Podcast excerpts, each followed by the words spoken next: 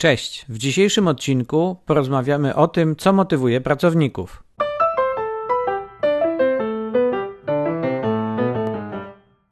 Niezapracowani. Podcast o sukcesie i wolności w biznesie. Zapraszam, Filip Nowicki.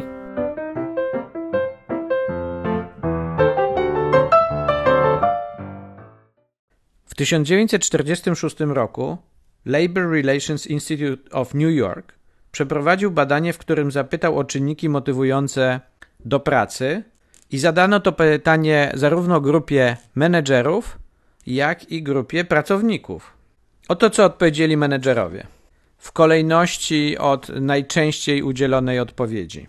Pierwsza rzecz dobra pensja, bezpieczeństwo wynikające ze stabilności zatrudnienia, możliwość awansu, dobre warunki pracy, interesująca praca, osobista lojalność szefa wobec pracowników, taktowna dyscyplina, docenienie wykonywanej pracy, pomoc w sprawach osobistych, poczucie bycia częścią większej całości.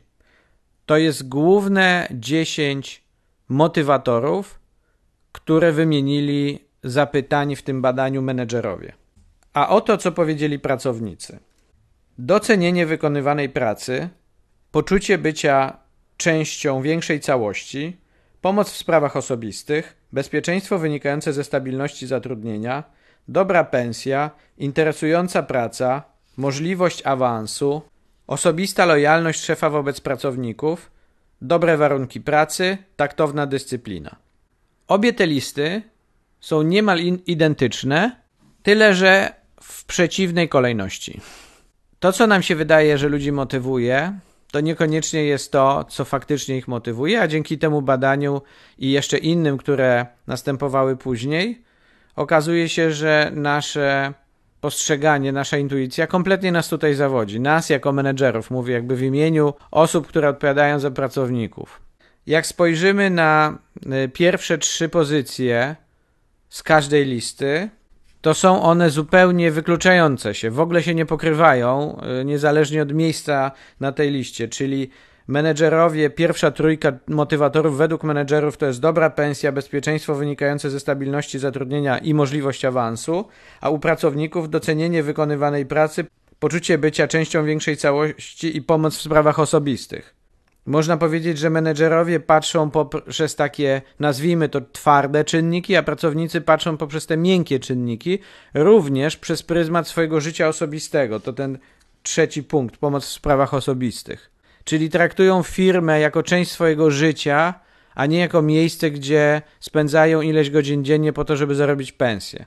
Mimo tego że ich szefowie chcą ich obdarzać dobrą pensją, bezpieczeństwem i stabilnością zatrudnienia i możliwościami awansu. Tego oczywiście ludzie też oczekują, ale to nie jest dla nich najważniejsze. I tu się robi ciekawa sytuacja, dlatego że bardzo wielu organizacjach jest pewnego rodzaju nieporozumienie dotyczące tego, co zaoferować ludziom, żeby ich zmotywować. Ale co to w ogóle znaczy zmotywować? To znaczy, mają chodzić z uśmiechem na usta przez 5 dni w tygodniu. Podążając za wynikami tej ankiety, szczególnie odpowiedziami pracowników, Ken Blanchard w jednominutowym menedżerze radzi, żeby codziennie przyłapywać pracowników na małych sukcesach i nagradzać ich słownie. Pracownicy wskazali, że dla nich najważniejszym motywatorem jest docenienie wykonywanej pracy i ta metoda Blancharda na przyłapywaniu na drobnych sukcesach właśnie idealnie realizuje tą potrzebę, idealnie dostarcza tego motywatora, żeby w normalny, swobodny sposób na co dzień po prostu zauważać, że ludzie robią pewne rzeczy dobrze. I oni też nie oczekują fanfarów, to nie może być sztuczne, po prostu naturalne, ale częste. No i oczywiście pojawia się pytanie, bo zawsze to pytanie gdzieś krąży, kiedy mówimy o motywacji, a co z pieniędzmi? Czy pieniądze motywują? No i znowu inne badania pokazały, że istnieje coś takiego jak minimalny próg y, dochodów, i jeżeli my tego progu nie osiągamy, to każda złotówka, czy no powiedzmy każde 100 złotych dodatkowe do pensji będzie ludzi motywowało, to znaczy będą gotowi zrobić więcej, y, albo będą również skłonni zmienić pracę, dlatego że ktoś im zaoferuje niewielką podwyżkę. dlatego że mówimy o osobach, które żyją na takim poziomie minimalnym, że każde 100 zł miesięcznie zmienia w jakiś sposób, poprawia ich jakość życia. Być może w tej chwili słuchając tego trudno ci sobie to wyobrazić, bo mówisz, zaraz, 100 zł, no to co, jedno wyjście do knajpy, czy jedno wyjście do kina z popcornem, to nawet może już nie starczyć.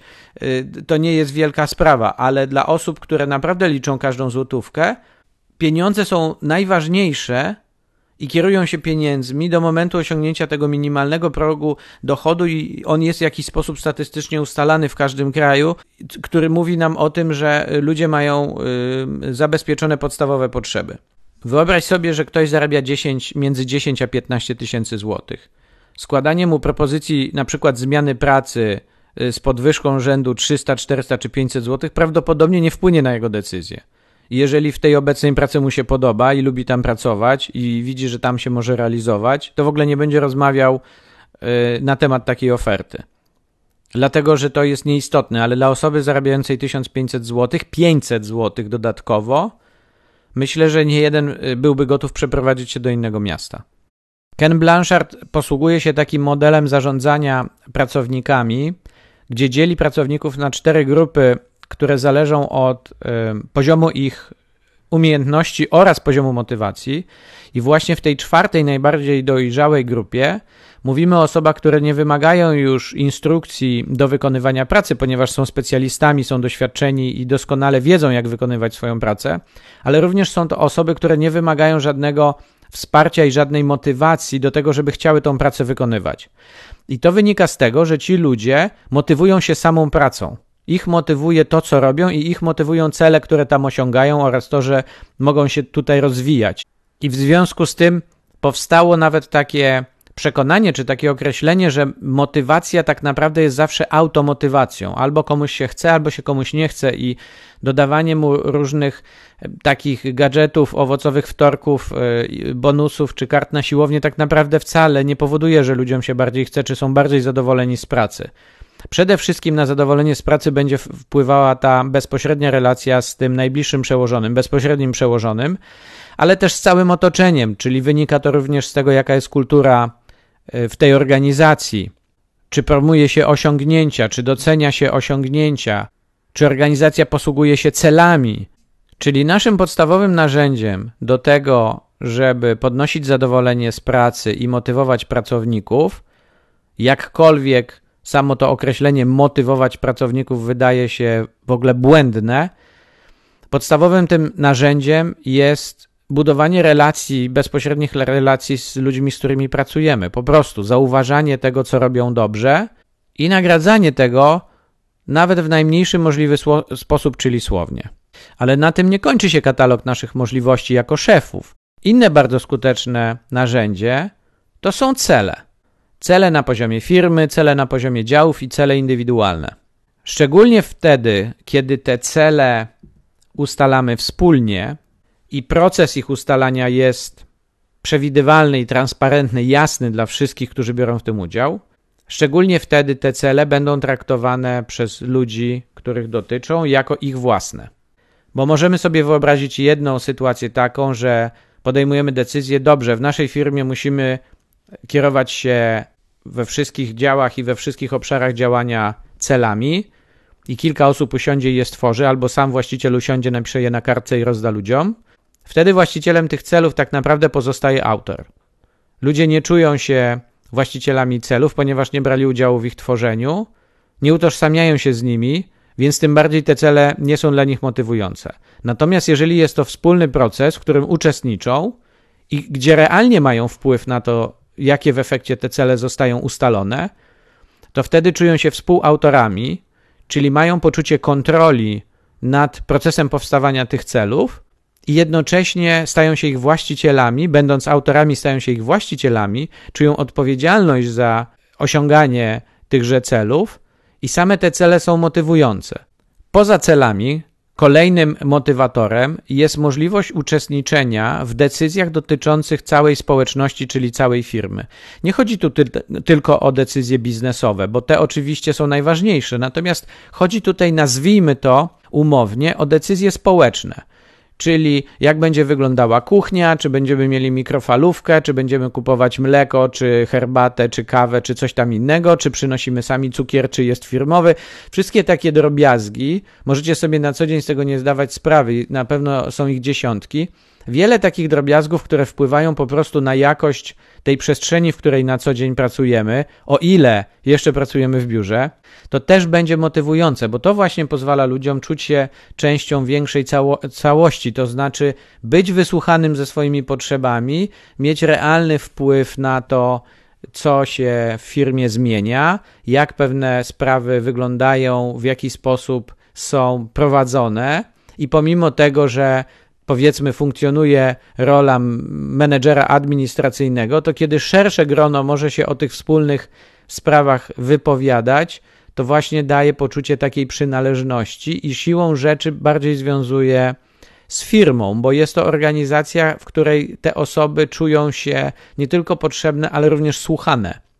I to dla ludzi jest ważne, to również w sytuacjach prywatnych lubimy spotykać się z osobami, nie tylko takimi, które opowiedzą coś ciekawego, ale również nas wysłuchają, kiedy toczy się dialog, a nie monolog. Pierwsze trzy główne motywatory to docenienie wykonywanej pracy, poczucie bycia częścią większej całości i pomoc w sprawach osobistych. Jeżeli czujecie, że w waszej firmie sytuacja wymaga jakiejś poprawy czy interwencji w zakresie tego, jak ludzie są zmotywowani, to chyba trzeba się skupić na tych pierwszych trzech czynnikach i rzeczywiście przyjrzeć się, czy tutaj zapewniamy to, co możemy.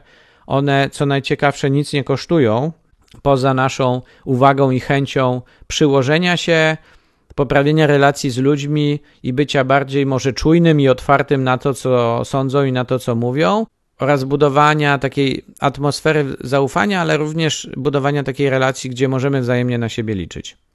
Ludzi motywuje to, że uczestniczą w czymś większym niż oni sami, czy większy niż ich zespół, gdzie jest jakaś, jakiś wyższy cel, czy, czy taka wizja przyszłości, w której chcieliby uczestniczyć, natomiast wiedzą, że to nie jest coś, co można zrealizować samodzielnie, że do tego potrzebne jest wspólne działanie.